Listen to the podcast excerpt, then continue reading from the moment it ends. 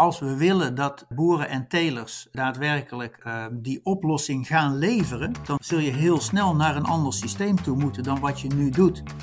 Volgens Ruud Thijsens van Agrifirm moet het kabinet meer kijken naar de boer als individu, door klimaatdoelen te stellen en aan de boer over te laten hoe hij het aanpakt.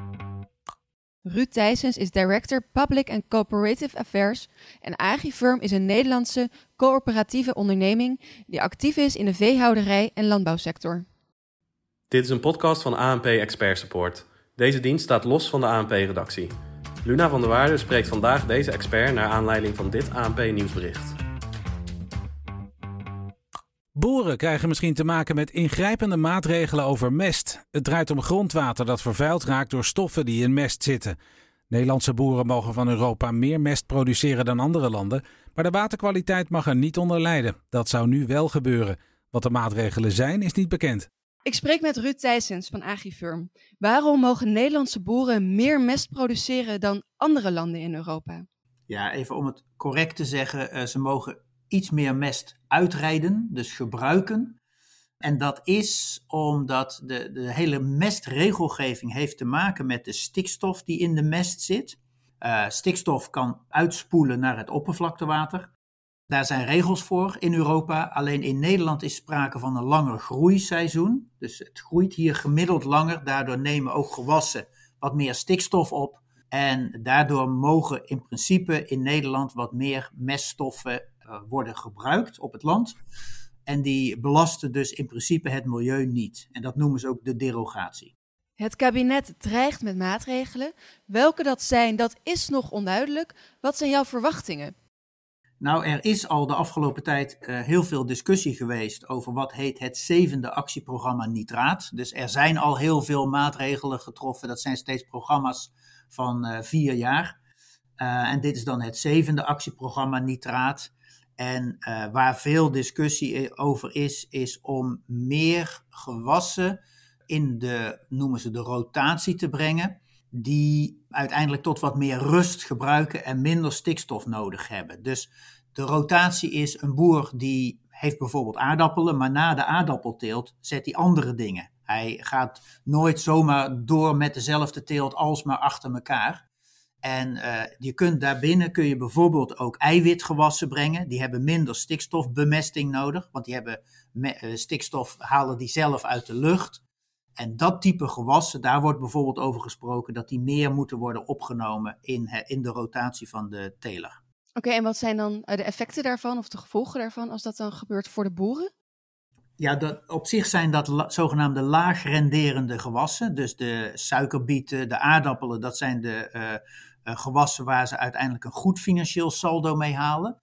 En met deze andere gewassen, die rustgewassen, wordt veel minder geld verdiend. Dus het heeft vooral een groot financiële impact. Ja, en wat zijn nou de mogelijke consequenties vanuit Europa als de waterkwaliteit in Nederland niet verbetert?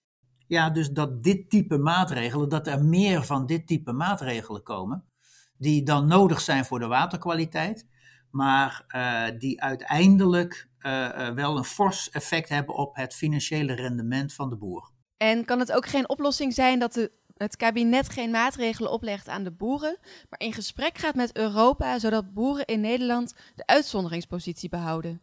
Ja, um, kijk, op zich is dat, is dat heel goed. Alleen wat waar wij wel heel nadrukkelijk voor pleiten, is dat uh, boeren veel meer handelingsvrijheid krijgen.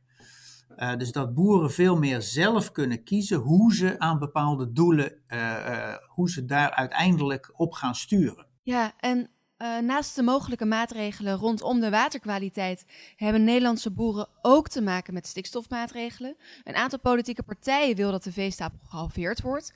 En daarom komen boeren regelmatig op trekkers naar het Malieveld om te demonstreren. Hoe is de positie van de Nederlandse boer nou veranderd in de afgelopen jaren? Er zijn heel veel uh, duurzaamheidsopgaven voor die boer. Want we hebben het nu over waterkwaliteit en we kunnen het ook over uh, klimaatopgaven kunnen we het hebben. We kunnen het hebben over dierenwelzijn. En wat je ziet is dat de boer en de teler iedere keer geconfronteerd wordt met de uitwerking van die maatregelen. Dus Er zijn bijvoorbeeld klimaatmaatregelen, daarvoor moeten bepaalde stalsystemen aangepast worden. Er zijn waterproblemen, daarvoor moeten er bijvoorbeeld meer uh, zones uh, rondom waterwegen worden ingericht. En wat je ziet is dat uh, er zijn allerlei doelen, dat zijn, maar ik noem dat beleidsdoelen. Alleen die vertalen zich naar het boerenerf in allemaal individuele maatregelen die in feite zijn, zijn mogelijkheden enorm beperken en vaak heel veel kosten met zich meebrengen. En je ziet dat dat een soort van stapeling is geworden. En je kijkt naar die individuele maatregelen, maar welk doel die dan precies hebben, is voor veel boeren en telers onduidelijk. En dat is iets wat ze eigenlijk wel heel erg dwars begint te zitten. Het kost ze allemaal geld en ze weten eigenlijk niet precies waarvoor ze het doen. Dus als ik het goed begrijp, moet er meer naar de boeren als individu gekeken worden en minder naar boeren als één groep, omdat dat juist meer consequenties heeft voor het individu. Ja, waar wij heel sterk voor pleiten, is dat er uh, veel meer gewerkt wordt met uh, dat er doelen worden gesteld. En dat die doelen dan ook worden doorvertaald naar wat betekent dit dan voor uiteindelijk het individuele, deze individuele akker of deze individuele boerderij. En dat je het vervolgens aan die boer laat op welke manier die dat gaat invullen. Op, op welke manier die daar inhoud aan gaat geven. Uh, je kunt dat bedenken uh, voor stalsystemen. Je had het net over uh, stikstofproblematiek. Nou, dan moet dus de ammoniakemissie uit stallen moet omlaag. Ja, je kunt dat doen door allerlei stalsystemen voor te schrijven. Of je kunt dat doen door een sensor in de stal op te hangen. En te zorgen dat je gaat vergunnen en handhaven op basis van die gemeten waarden. En dat je het dan aan de boer overlaat hoe die dat uiteindelijk gaat realiseren. En ditzelfde kun je bedenken voor milieubelasting uiteindelijk. Als het gaat over milieubelasting van bijvoorbeeld het spuiten van gewasbeschermingsmiddelen. Er zijn methoden voor om uit te rekenen wat dan de milieubelasting op een individuele akker is. En dat is waar wij heel sterk in geloven.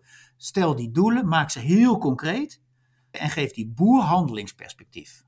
Oké, ja, we leven natuurlijk wel met het feit dat we iets moeten doen om klimaatverandering zoveel mogelijk tegen te gaan. Geef je op deze manier de boeren niet juist te veel vrijheid door enkel doelen te stellen, maar niet te zeggen hoe ze dat moeten realiseren? Ik zou hem haast om willen draaien. Um, als we willen dat boeren en telers daadwerkelijk uh, die oplossing gaan leveren, dan zul je, wel, zul je heel snel naar een ander systeem toe moeten dan wat je nu doet. Ik zei daarnet, dit is het zevende actieprogramma nitraat. En de waterkwaliteit wordt door heel veel mensen nog gezien als onvoldoende. Dat betekent dus in feite dat al die actieprogramma's daarvoor onvoldoende hebben opgeleverd. Dus juist naar individuele doelen gaan sturen, is naar ons idee juist het hulpmiddel om uiteindelijk boeren en telers uh, de juiste bijdrage te laten uh, leveren. En dan zul je ook zien dat het lukt.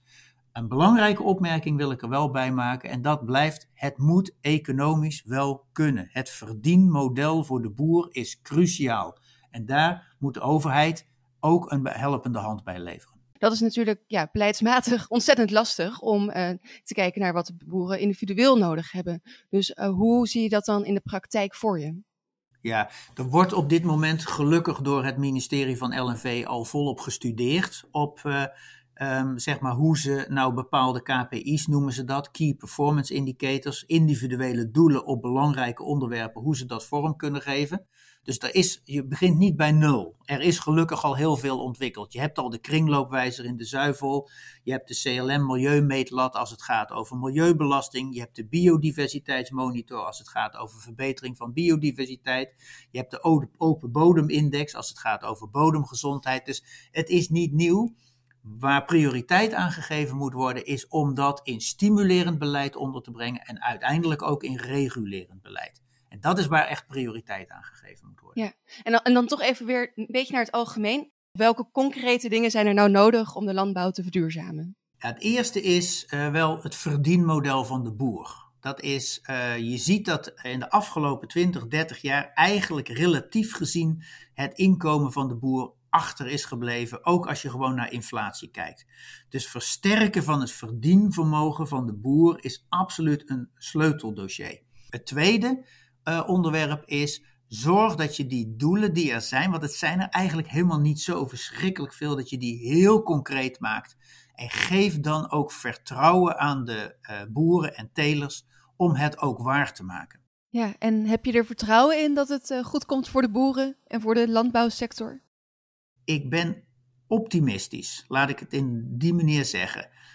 Ik zie dat er op dit moment dat men beseft dat de huidige manier van regelgeving dat dat het niet gaat worden en dat je dus op een andere manier moet gaan sturen.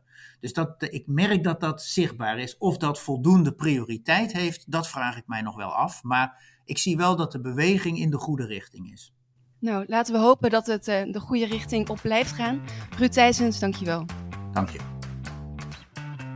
Deze en andere experts staan in de database van ANP Expert Support. Ga voor meer informatie naar anp.nl/expertcast. Dit is een podcast van ANP Expert Support. Deze dienst staat los van de ANP-redactie